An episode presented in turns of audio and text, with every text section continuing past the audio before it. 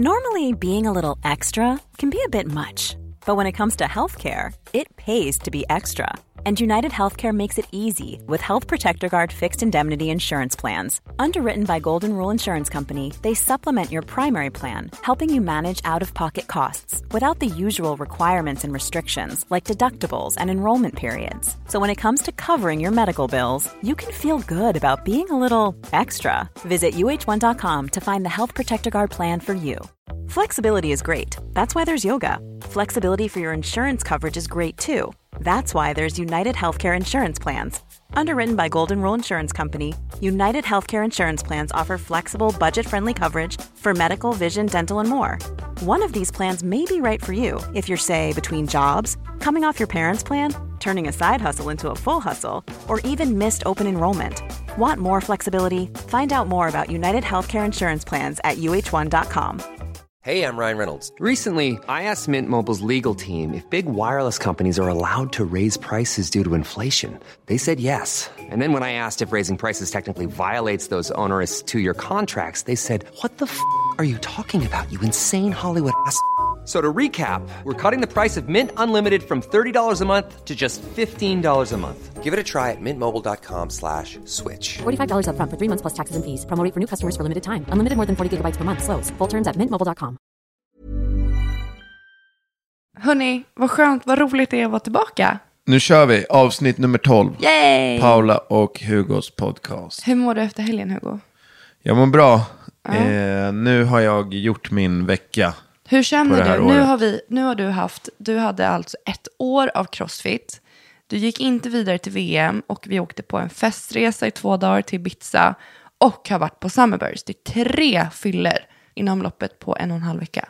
Ja, på en vecka. En vecka. Eh, nej, men det var ju det jag sa. Mm. En vecka per år. Eh, nu har jag haft min vecka. Jag är så jävla glad att det är över. alltså allvarligt, jag börjar bli gammal. Nej, Jag mår inte så bra av det här. Men jag kan känna liksom att är inte typ som Summerburst, det var skitkul, det var liksom bra, men det regnade, jag tyckte Bieber var en katastrof. Ja, alltså jag tycker inte att Sunburst var så bra heller som jag hade som det har varit på. förut. Och då känns det lite som att man har slösat en dag i sitt liv. För att då hade jag hellre haft en asbra söndag med barnen. Nu hade vi en väldigt bra söndag, vi åkte ut till Vi vänner. hade ju en jättebra söndag. Jo, jag vet, men alltså, jag känner att man slösar bort sina dagar i sitt mående om det inte är så att det blir kalaskul. Alltså det är inget kul att vara bakis. Nej, och, och framförallt om det inte har varit toppenkul kvällen som man har då druckit alkohol så är det Nej, ännu exakt. mer ovärt. Nej men det är ju, nej alltså man blir ju oeffektiv av Ja. att festa. Man vill, jag vill vara jag. alert, jag vill vara pigg, jag vill vara där i gamet, men man blir bara, det blir som en, nej jag, jag håller med dig, det har varit kul, men nu ser jag fram emot lite fredagar i soffan. Ja, jag med. Orkar inte mer.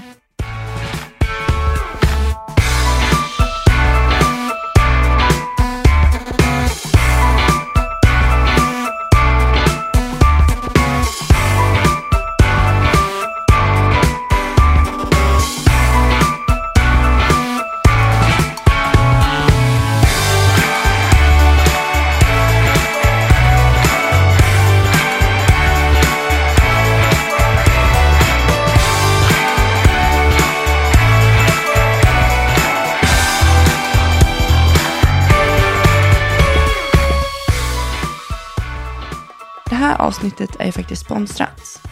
Vi är sponsrade av Trygg Hansa. Jag känner mig ivrig om att berätta vad det är vi har gjort den här morgonen. Ja men det är ganska kul, vi har ju varit nere vid Långsjön hela morgonen. och eh, det här är ju, alltså samarbeten är ju samarbete, men det här är ju ett väldigt viktigt samarbete. Det var, det, jag tyckte det var väldigt lustigt för att vi har ju då alltså fått en livboj eh, fraktad hem till oss och den är typ två och en halv meter lång. Ja men alltså ni vet det, sådana som hänger på badplatserna. Den har vi haft hemma. En sån kom med ett bud. Och den har vi åkt runt med under morgonen här. Alltså det måste ju sett helt sjukt ut när vi kom ner till stranden. Nu var det inte så Ta mycket ner en folk där. egen men, livboj i sanden. ja. Nej, det var roligt. Men det, det vi vill prata om, det är alltså att det är sommar. Eh, och det som händer på sommaren är att folk kan drunkna tyvärr.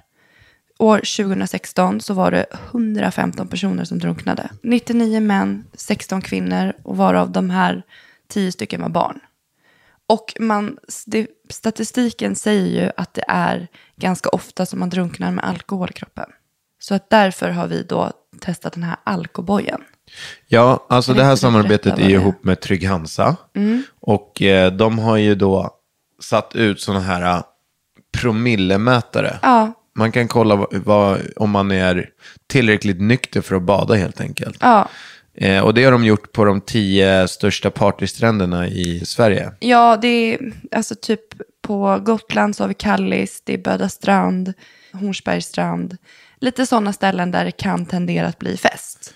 Det man gör då, det hänger liksom, det hänger en som en liten, vad ska man säga, en liten eh, lucka. Ja, men det, häng, men det är en lucka som man drar Ja, ut som det står alkobojen på. Och så öppnar man där och då finns det som två stycken, ser ut som USB-stickor. Men ena är till Android, andra är till eh, iPhone. Eh, så i- det- hur enkelt som helst, man bara pluggar i den där i telefonen, laddar ner en app som heter eh, Drinkmate. Och eh, när man är där inne på Drinkmate så har man pluggat i den där grejen i telefonen och så startar man bara och så blåser man eh, två och en halv centimeter från den här och så ser man vad man, ja, ser man om man är tillräckligt nykter eller inte. Alltså det här är då för att man ska testa, är man redo att hoppa i att, och ta ett dopp? För att det handlar också om en attitydförändring gentemot det här med att dricka alkohol och bada. För att det kan vara så att man ser att någon hoppar i plurret. Det kan vara att ska man ha översikt, ska man stoppa? Hur ska man som medmänniska reagera? Och jag tycker verkligen att man ska använda sunt förnuft. Och har du druckit alkohol så har du ingenting i vattnet att göra, punkt. Försök stoppa, förhindra, precis som när man kollar barn liksom, på strandkanten. Man ska ha lika mycket översikt över en vuxen människa om den mot förmodan skulle hoppa i full. Eh, så att, eh, håll utkik efter de här alkobojorna och eh, testa gärna. Kolla hur promillen ser ut innan du hoppar i. Boom! Yay!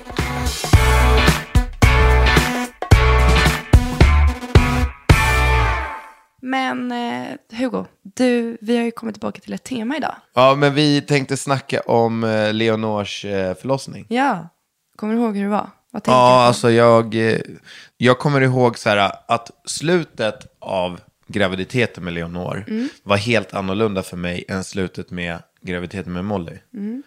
Eh, alltså jag upplevde dig på ett helt annat sätt. Men det märktes att du, hade, att du hade gjort det en gång. Det, där, det där kan du helt... Det där finns det ingen sanning i. Ja, men var du inte lugnare? Nej men alltså så här, om man jämför. Molly kom ju tre veckor tidigt. Ja. Leonor var, vad var hon, fem dagar sen.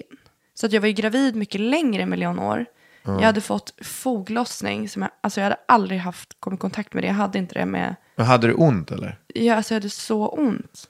Alltså fan kan jag inte ha någon minne av det. Nej, för att du är som alltid lever i en annan värld. Det, du, jag tror att när du upplever mig på ett sätt så tror jag att det är du själv. Hur du var och hur du upplevde det. Och hur du mådde i ditt state. Alltså typ, och sen så får du för dig att det är mig. För att jag mådde mycket, mycket sämre fysiskt med Leonor än med Molly. Men hur, hur, hur var det Nej men så här. på, alltså i slutet? Det var fruktansvärt. Och då bodde ju vi, när, vi, när jag var gravid med Molly, då bodde vi i en lägenhet. Ja. Det, och hon kom som sagt tre veckor tidigt. Det var ju liksom inte det här... äh, Alla sa till mig att det känns som att man är gravid i nio månader och i ett år. Ja. För att när man närmar sig BF, då går man bara och väntar. Alltså man är så trött på skiten. Man vill bara få ut det, man bara vill att det ska starta. Och varje dag blir man typ mindre och mindre, mindre, mindre typ stark. Det bryter ner en att vara gravid in i det, in i det sista.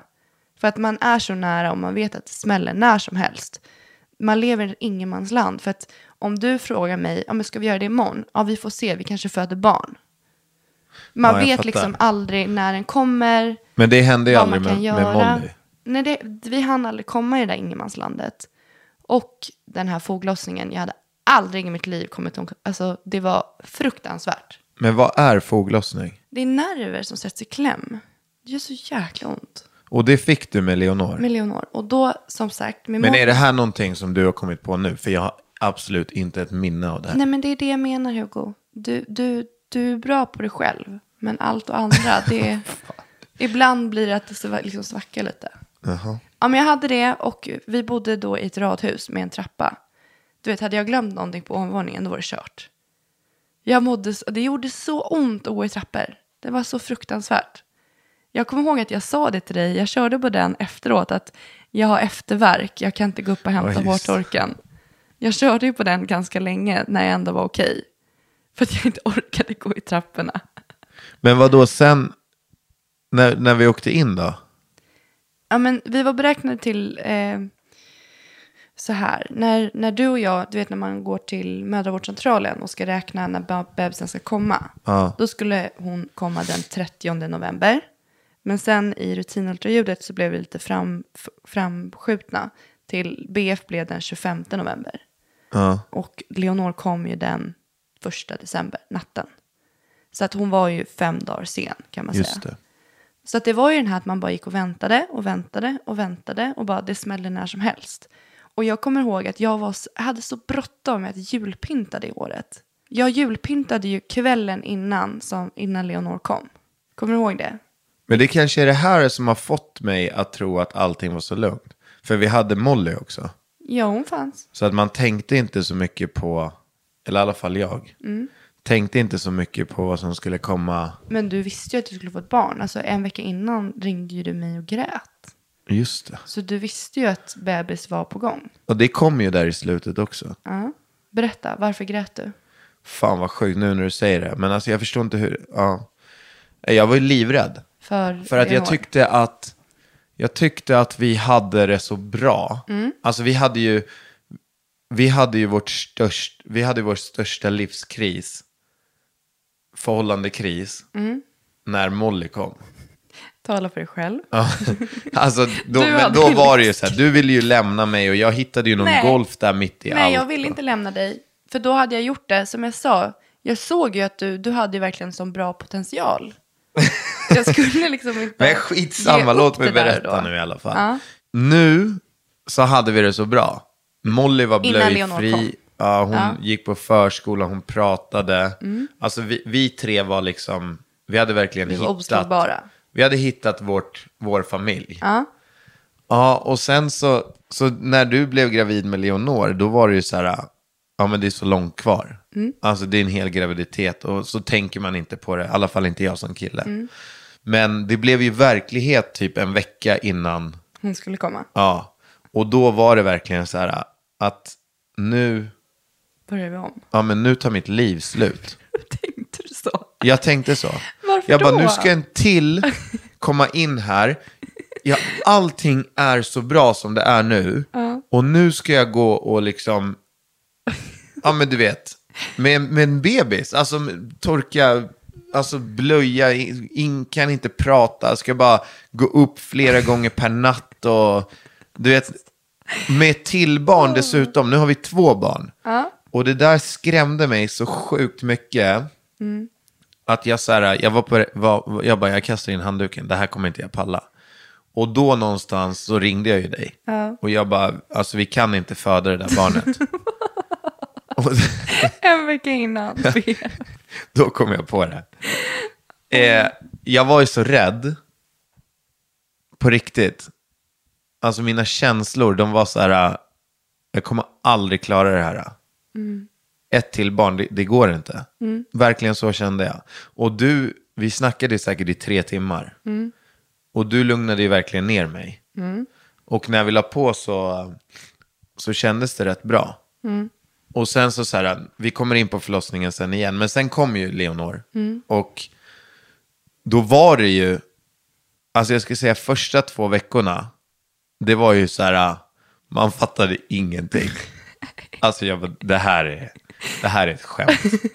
Alltså på riktigt. Det här är inte värt. Ska det vara så här, skaffa barn, kommer- alltså det är, det är inte värt. Men efter två veckor, då kommer man ju in i det. ja. Och sen efter de två veckorna, då var det som att det hade varit två barn hela tiden. ja, verkligen. Eh, och nu idag är det ju som att, alltså det har aldrig funnits något annat. Nej, verkligen. Och det är ju så kul. Men just den där perioden, sista veckan i förlossningen och två första veckorna. Det var kritiskt. Ja, Det var, alltså det var... Men det tycker jag är så lustigt, för jag menar både du och jag, i, i och med att vi, alltså vi kämpade verkligen för Leonor.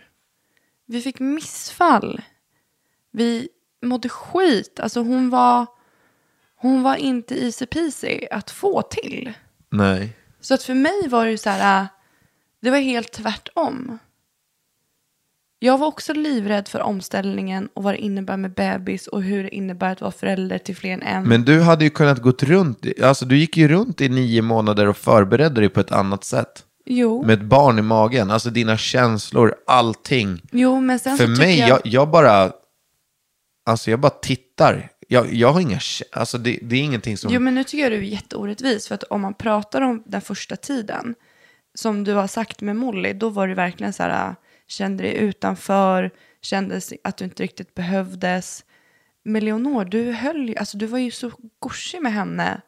Du har, du har ju aldrig uppskattat en bebis. Nej, och det stämmer också. Du ville ju bara hålla henne och du var så kär i henne och såg skärmen med den här lilla som du inte gjorde när Molly var i samma ålder. Där kom ju det mycket senare.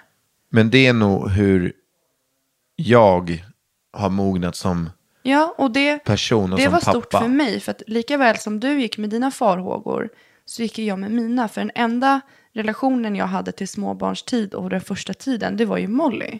Ja. Och då var det ju inte så bra. Då kände jag mig väldigt ensam i att vara förälder. Och jag kände att du inte prioriterade oss och inte hade något intresse för det, vad det nu innebär. Men du fanns ju verkligen där på ett helt annat sätt. Och jag upplever det som att typ du och jag blev... Man får ju som en förälskelse i sitt, sin nyfödda. Och den smittade ju av sig i vårt förhållande. ja, men det var, det var ju, ju... verkligen som typ en ny förälskelse. Ja, alltså samband. så var det också. Men jag vill ändå bara... Alltså det var ändå väldigt... Det var, det var väldigt läskigt. Men kommer du, jag ihåg. Jag, jag tror att du bara tyckte det under det samtalet. För att du var mycket fort snabbare än mig att komma in i det och var så här, verkligen tog dig an Leonor. Jag var ju hemma, jag var ju föräldraledig med henne och Molly och du. Molly var på förskola, du var på jobbet och sen när ni kom hem då brukade vi göra ett byte så att du tog bebisen och jag typ satt med Molly och gjorde någonting. Så att det vart ju som en rutin att du tog dig an Leonor hur tidigt som helst. Ja, och alltså nu... Det är ju så jävla underbart. Ja, så hon är ju världens bästa bebis. Ja, och nu när man ser dem leka med varandra och... Det är, för varje dag blir det roligare. Och sen så det här också, så här, som jag tyckte var också stor skillnad. När man har ett barn, Mm. då, då handlar det så mycket om vem som har gjort mest. Och, Jag tog faktiskt den blöjan, men det är faktiskt din tur nu. nu ja, men man... hela tiden. Som och du vet, tävling. du hade varit mammaledig, varit hemma med, med Molly. Jag hade varit ute, jag kom hem, jag fick liksom Molly i dörrkanten. Eh, eh, då var det din tur att vara fri. Och, men så här, allting handlade om ett barn. Mm. Och egentligen, du vet hur lätt är det inte med ett barn? När man inte har ett barn, då är man ju fri. Ja. Och det är så här, ska man, ska man åka någonstans, då är man två på ett barn. Det, är, det är drömmen. Ja. Eh, men jag skulle säga, vårt förhållande med två barn blev ju mycket, mycket bättre. Det blev rättvisare på något Ja, sätt. det var så här, Man har alltid en. ja, Är alltså, man fri så är det... välj, välj vilken du vill, en ska du ha. Ja. Och, och, och man vet någonstans att det, det är taskigt av mig att låta, att låta dig ha båda barnen åka och handla till exempel. Förstår du? Men har du ett barn, då känns det inte lika taskigt. Men med två barn, då, för man vet ju själv att när man är själv med två barn, det är inte som att ha ett barn. Nej, men så, det är så i grunden. Men sen, det blir mycket lättare för varje dag som Leonor blir äldre. Ja, så är det också. Det är ju det är inte omöjligt att gå och handla med båda ensam. Det är inte omöjligt att vara med dem. Alltså, det är mycket lättare. Och från ett halvår om nu, då är hon två. Nästa sommar, då är hon två och ett halvt. Alltså, det blir ju bara lättare tycker jag. Ja, men ja, absolut. Men just det här att det har, det har också blivit Men omställningen från en till två tyckte jag var ganska tuff. Alltså när, när Leonor var nyfödd. Alltså jag tror att första gången jag var själv med dem båda. Det- Jag trodde inte det var sant då heller. Du har ju ändå lite koll. Ja. Alltså när jag är själv med båda än idag så blir jag svettig bara av tanken. Varför då? Nej men för att jag har liksom ingen struktur. Du kan ju åka och handla med dem båda. Ja. Alltså det finns inte att jag gör det. Men då tycker jag att du ska utmana dig Nej, själv. aldrig i För livet. vet du vad? Det, det var sådana grejer jag var nojig över. Hur ska jag åka och handla? Hur ska jag laga mat? Hur ska jag trösta den ena medan den andra vill ha underhållning? Hur ska jag städa? Hur ska jag få mitt vardagliga liv att fungera med två? Och för att hitta ett svar så var man ju bara tvungen att ge sig ut och testa allting. Ja. Jag höll ju på att dö. Alltså, Leonor låg typ i bilbarnstol första gången jag gick in och handlade. Då hade hon somnat, klickade över henne, tog en vagn, tog, gav Molly en vagn, gjorde en grej av att vi skulle handla. Leonor blev ledsen, tog bort henne, satte mig och amma. Det är bara att testa. Nu när, eh, nu när du säger det så jag, är också, jag var ju på till exempel Mollys gymnastik Ja. med båda barnen. Ja. Och då, vet du, jag vet inte om jag berättade det här för dig, men då lämnade jag ju in henne på gymnastiken. Ja. Och så tänkte jag att jag och Leonor skulle sitta och titta på Molly. Men det här blev ju alldeles för jobbigt för mig. Jag kunde inte fokusera på varken Molly eller Leonor. Så då tog jag med Leonor och lämna in henne på, på minisats. Så gick jag tillbaka så kunde jag titta på Molly en stund. Och, och sen när jag kände, fick dåligt samvete för jag tyckte att nu har Leonor varit för länge på minisats. Alltså jag sitter här och tittar på Molly. Jag tränar inte ens. Utan jag vill bara sitta och titta i lugn och ro på Molly. Och så efter typ så här 25 minuter då fick jag dåligt samvete för jag hade lämnat in Leonor på minisats. Så då, då sa jag till Mollys gympalärare att ursäkta men Molly måste, måste gå lite tidigare idag. Så, så en kvart innan det var slut, då tog jag med Molly och gick därifrån och hämtade ut Leonor från minisats för att jag, jag tyckte att hon hade varit för länge på, på minisats. I- Och jag, varför jag tog med Molly innan, alltså så att hon slutade tidigare, det var för att jag orkade inte ta med Leonor ner och titta igen, utan då åkte vi. Gud vad hemskt. Ja, gymnastiken är då 60 minuter så att det här måste ha hänt under 45 minuter.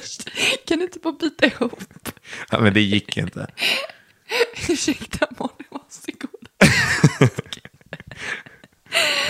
Ja, ja, men det är bra. Du testade i alla fall. Ja. Det, det får man ge dig.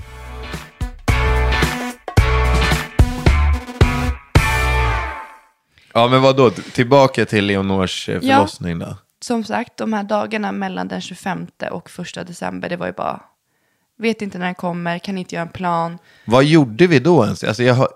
Det är bara tomt. Det var bara en vanlig vardag. Det var mitt, jag som sagt kvällen innan stod jag och hängde upp all, vi tog upp julgranen. Jag, det var så viktigt för mig att det skulle vara jul. För jag tänkte att har jag en bebis hemma så kommer inte jag hinna.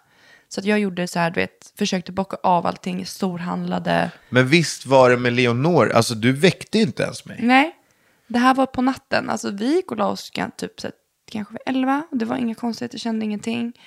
Och typ vid halv ett vaknade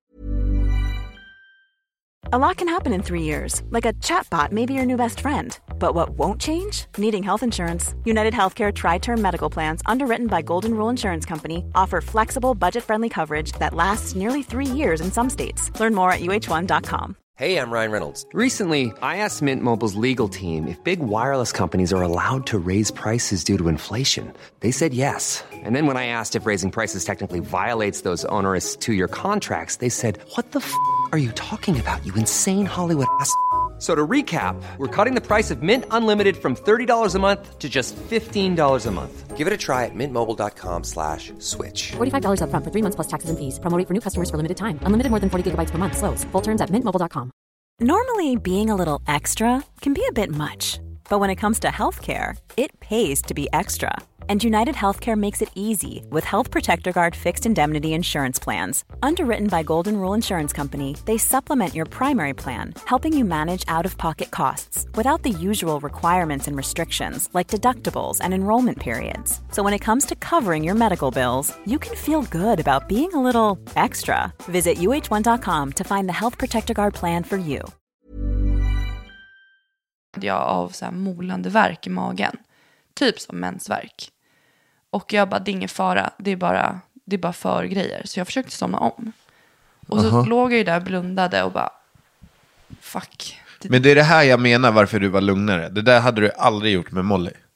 Jo, alltså jag höll på, Hugo du låg och sov på Paula, soffan. det, första gången du är gravid, då, då ligger man inte, det här är bara för grej, jag somnar om. Hugo, det var exa- jag väckte ju dig, du låg ju och sov på soffan.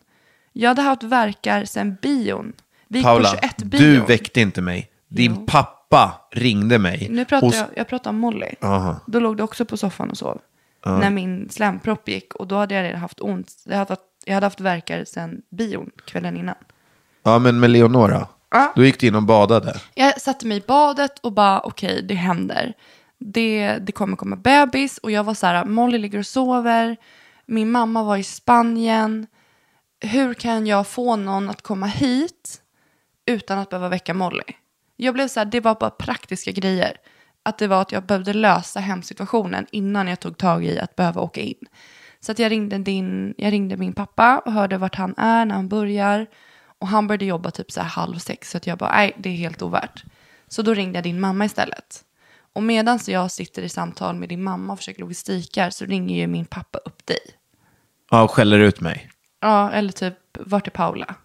Ja, varför är du inte med Paula? Hon håller på och föder barn typ. Och du hade gått ner till köket för att dricka typ ett glas vatten. Ja, jag bara, vad, vad snackar du om? Och då har inte jag sagt till Hugo att det håller på att hända, att jag sitter i badet. Så fick jag reda på att det var, var dags liksom. Fick en utskällning av din pappa. Men sen gick det jävligt fort. Din mamma var just, hon kom ju till oss efter typ 40 minuter. Men under de här 40 minuterna så eskalerade de här verkarna nå enormt. Jag har ju film på det här. Ja, ja, det är, alltså. alltså, det- förlossningsvideo på YouTube eh, kan ni söka på. Ja. Ni kan kommer få den. höra någonting ni aldrig i- har hört I förut. länken. Och eh, jag kände ju verkligen så fort verken kom, det slog ju ut mig totalt. Knäna bara vek sig, jag bara la mig ner. För att det Du, alltså var jag har så minne av att du ligger i hallen Ja. och skriker. Ja men alltså jag bara bebisen kommer komma. Det var på den nivån att jag bara ryck upp Molly, vi kan inte vänta en sekund Men jag var också redo på att så här, kavla upp eh, armarna och föda mitt eget barn. Hemmaförlossning. Ja. Men Sen- sen drog vi ju. Mm. Och du körde ju, alltså jag vill inte ens veta hur fort du körde. Men för grejen var, jag, blev, alltså, jag, jag var ganska lugn. Men grejen var att jag blev lite stressad. Mm. För när de här verkarna kickade in, eh, de var inte så jämna så att det skulle kunna vara liksom dags. Nej. Men när de kom, det var ju helt sjukt. Du var ju som förbytt. Alltså du, jag kommer ihåg när jag kör bilen och du sitter där. Stanna, jag måste föda. Och jag bara, ja, vi är snart framme älskling. Eh, Men det blir ju så här. Och sen kom vi ju äntligen Vi fram. var framme ungefär vid halv två. Kommer du ihåg vad som hände precis Ja, du lägger dig utanför bilen på parkeringen och vägrar gå någonstans. Du ska alltså föda. Nej, utan det var en verk. Jag var tvungen, alltså, som jag sa, den bara slog ut mig. Så så fort verken kom så var jag tvungen att sätta mig ner. Och det var precis utanför förlossningen. Du bara, nu reser du på dig. Du kan inte föda barn på parkeringen. Följ med in här. Ja, men vi är utanför förlossningen, men du ska föda på parkeringen. Ja, men så kommer vi upp och vi tas in och eh, vår barnmorska är där på plats. Klockan är halv två. Och eh, alltså vi kör i två timmar. Sen så kommer Leonor.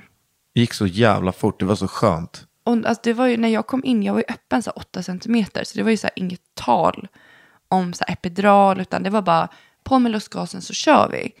Men Leon, när barnen ska födas så ska de göra som en så här sista rotation med huvudet. Ja. för att de ska kunna komma ut.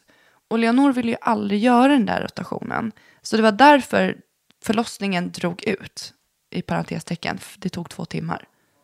Hon kom liksom inte ut för att hon inte hade gjort den där rotationen. Ja, just det. Så att jag kände ju bara, det kom, jag trycker och jag trycker, alltså det kommer inte gå, hon kommer inte komma ut, ni måste snitta mig, det går inte. Alltså jag kommer aldrig glömma, det gick ju väldigt fort och så här, till skillnad från när Molly föddes, så var jag alltså utdraget. Jag kä- gick ju och käkade rostmackor hela tiden för att det tog så lång tid. Jag var så, du vet, jag blir ju så här väldigt, väldigt rastlös när saker och ting blir utdragna. Dessutom med Molly satt ju en barnmorska och sa att det närmar sig. Så där sa hon typ i fyra timmar. Och för mig, blir, jag får panik i kroppen. Med Leonor så hände det någonting hela tiden. och Satt och popcorn du vet, och jag satt ju där med dig. Och så kom det en verk. Och du vet, ditt skrik. Alltså jag var bara så här, det där skriket, Det är en demon. det, ja, det, det var inte du. Nej. Hur högt du än skulle skrika här och nu, så skulle jag ändå känna igen att det var du. Alltså det här var en mörk, hemsk röst. Alltså jag vet inte hur jag ska förklara. Det var som att någon hade klivit in i din kropp och tagit över den. Jag blev livrädd när jag satt där när du skrek. Alltså jag, jag visste inte att det fanns såna här krafter i dig och säkert i alla kvinnor. Men, och de här skriken, jag, jag, jag bara, jag måste spela in det här. Och jag skickade ju det till alla i vår familj. Jag bara, jag bara, Paula, hon kämpar på. Och jag har ju med det här i förlossningsfilmen också, men det var, alltså, det var ju det sjukaste jag varit med om. Du kommer inte ihåg det här själv eller? Jo, men alltså jag födde ju barn liksom. Jag, så att, don't mess with me. Om du ska bråka, du vet hur jag kan skrika då. Ja, men alltså för att få ta ut den här, det här skriket, det måste ju göras, det måste ha gjort så brutalt ont för att jag förstår liksom inte. Hugo, det ska komma en människa ur dig. Tror du inte att det gör ont? Jo, uppenbarligen.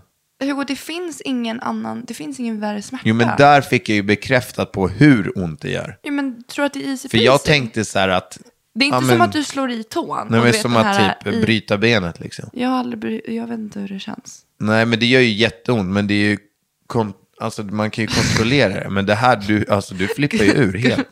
Skulle du skrika som jag om du bröt jag, jag, jag vet inte, jag tror det. Hur som haver, sen så kom hon. Och till skillnad då, för att jag kommer ihåg när Molly kom upp på bröstet. Då kände jag så här, det, det är en alien. Det här är en alien. Jag också. Men när Leonor kom, Hon var så gullig. hon var så jävla gullig. Ja, jag vet. Och jag bara, alltså framförallt jag, för då hade jag liksom så här, ja, kämpat länge för henne och varit väldigt ledsen. Ja. Och sen då var det så här, ah, alltså hon kommer inte försvinna nu, nu är hon här. Ska vi börja gråta nu igen? Nej men fan, hela graviditeten Nej, men det så var, det, var, att det, var väldigt fint alltså. Och så var hon så jävla rund. Ja, hon såg ut som en bebis. Hon Alltså jag tror Molly var ju tre veckor tidig. Hon, och hon såg tre veckor tidig ut. Alltså, Eländig. Och massa hår överallt. jag var, jag vet, nej jag ska inte säga vad jag Och tänkte. Leonor var så här, hon var så, hon var så knubbig och god. för att de säger det är sista dagarna håret från bebisarna försvinner. Så på Molly hade det inte hunnit försvinna. Och, och när, när jag, alltså det, det här är ju ganska hemskt att jag säger det här, men när jag stod och höll Molly där inne i förlossningssalen, hon hade ju hår överallt. Jag tänkte så här, fan, fan har Paolo varit otrogen med alltså? Vad i helvete?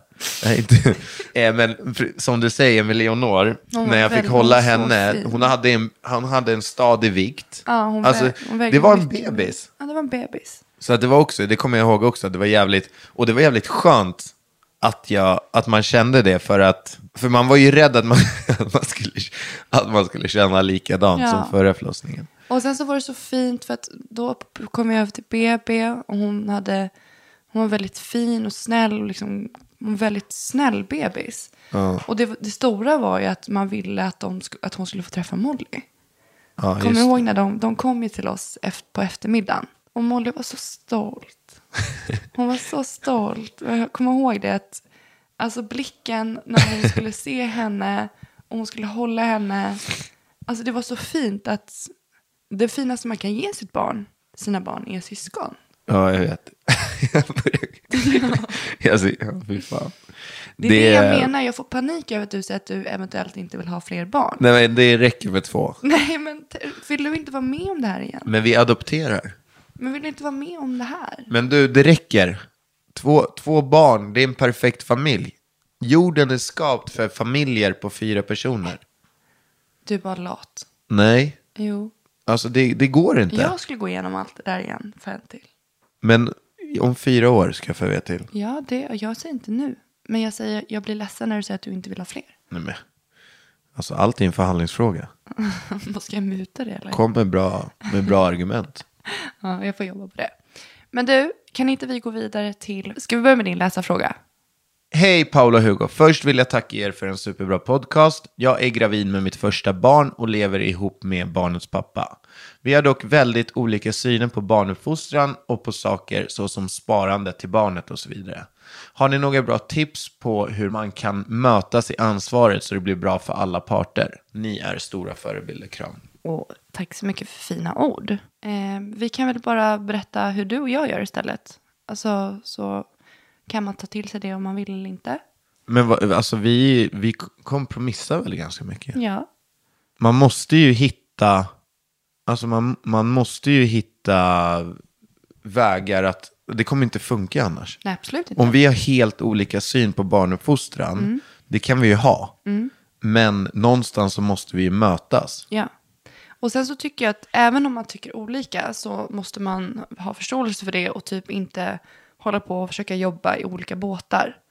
Alltså man är i samma båt. Nej, men, ja, Man precis, till exempel om du skulle vara vegetarian och vilja att våra barn bara skulle äta vegetariskt, då skulle ju jag få möta dig. Ja. Alltså jag skulle ju inte, jag skulle inte sätta mig emot något sånt. Nej. Men hur? skulle också, då får ju du som motpart så här, har du kunskapen för det? Hur kan man, hur kan man tillsätta till exempel protein? Vad är andra proteinkällor som är då vegetariska? Då får ju du hela tiden vara, du får ju ändå fråga mig. Du kan ju inte bara lita dig blint på det jag vill och det jag säger. Om det är så till exempel att, hade du då sagt att du vill att barnen ska äta enbart vegetariskt, då hade jag så här, okej, men då får du och jag ta ett gemensamt ansvar över att ta reda på hur vi balanserar deras kost, så att det inte blir någonting som på något sätt försvinner eller någonting, att vi hittar de här proteinsäkra källorna.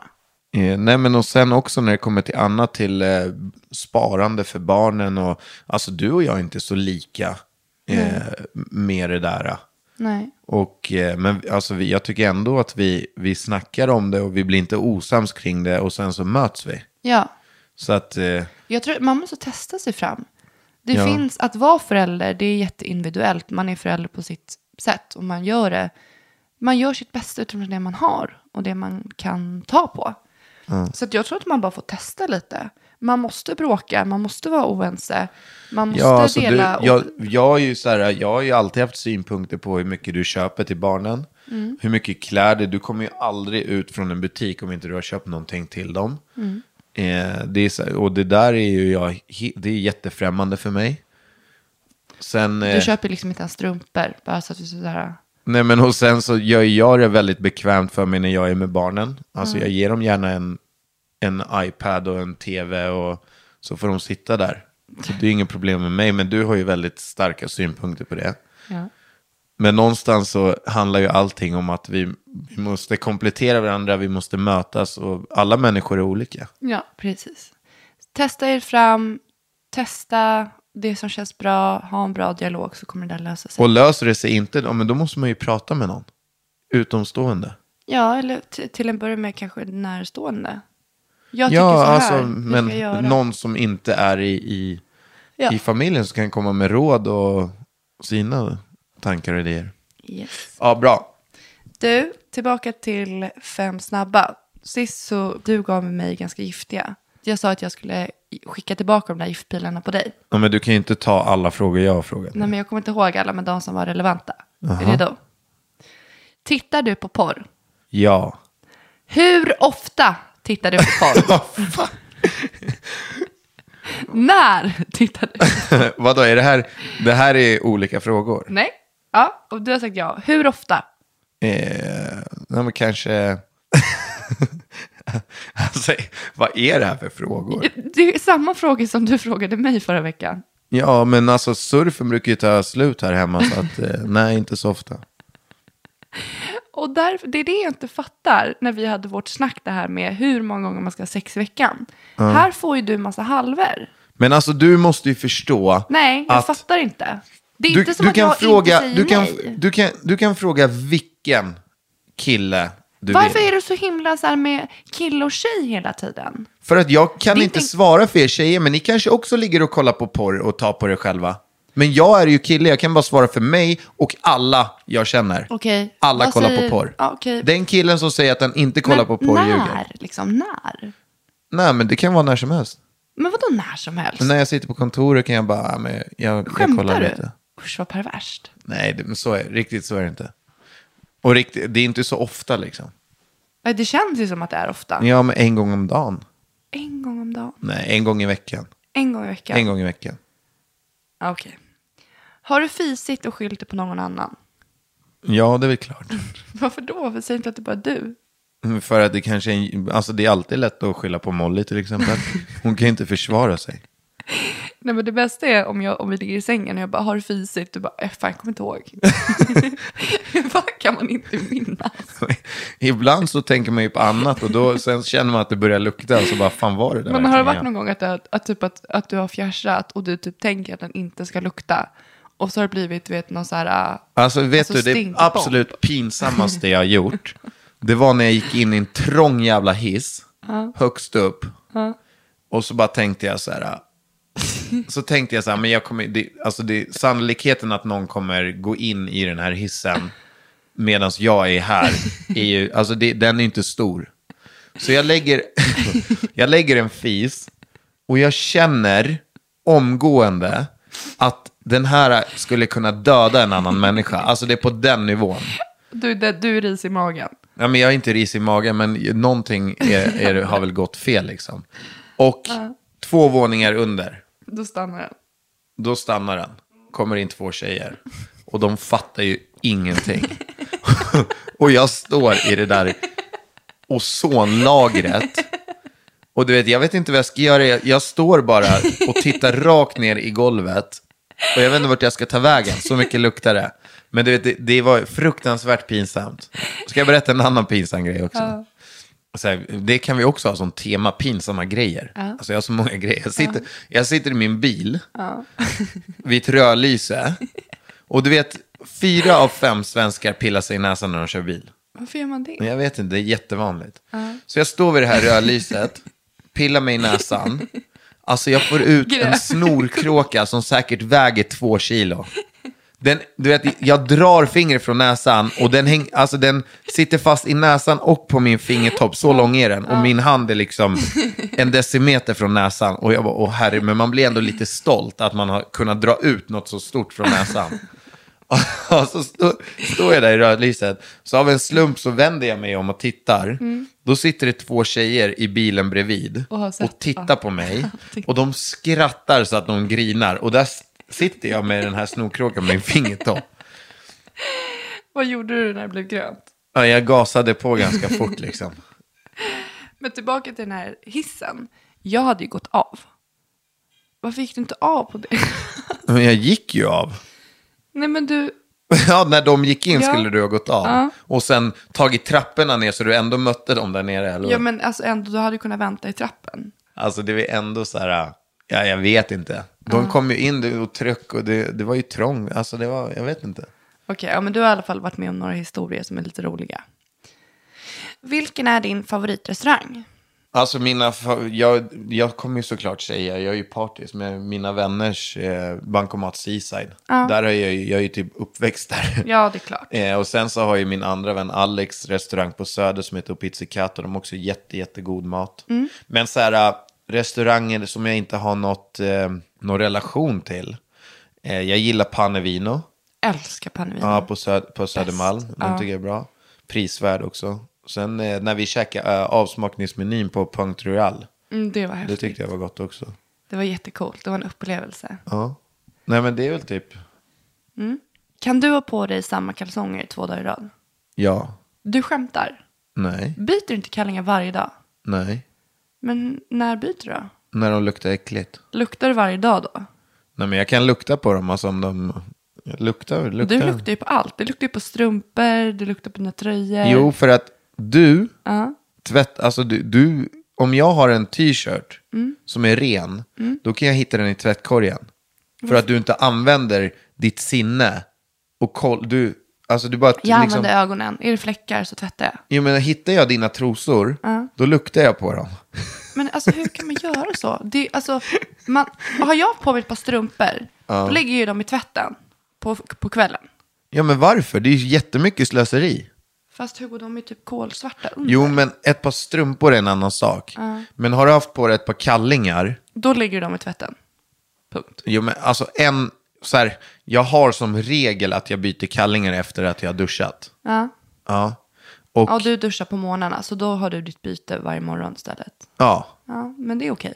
och ibland så duschar man ju inte. Nej, men oftast Och då brukar vi byter jag inte kallingar. Okej. Ja, det var mina fem snabba. Ja. Eh, hörni, tack för idag. Bra snack. Vi hörs snart igen. Prenumerera. Prenumerera. Eh, Vi måste fortsätta liksom, eh, vi, vi, vi är jätteglada för det här och att det går så bra för vår podd. Men vi vill ju såklart att ni fortsätter kommentera och Ja. prenumererar och recenserar och allting vad ni gör. Yes. Vi hörs nästa gång. Följ mig på Instagram, Hugson, H-U-G-G-S-O-N. Puss puss. Hej då!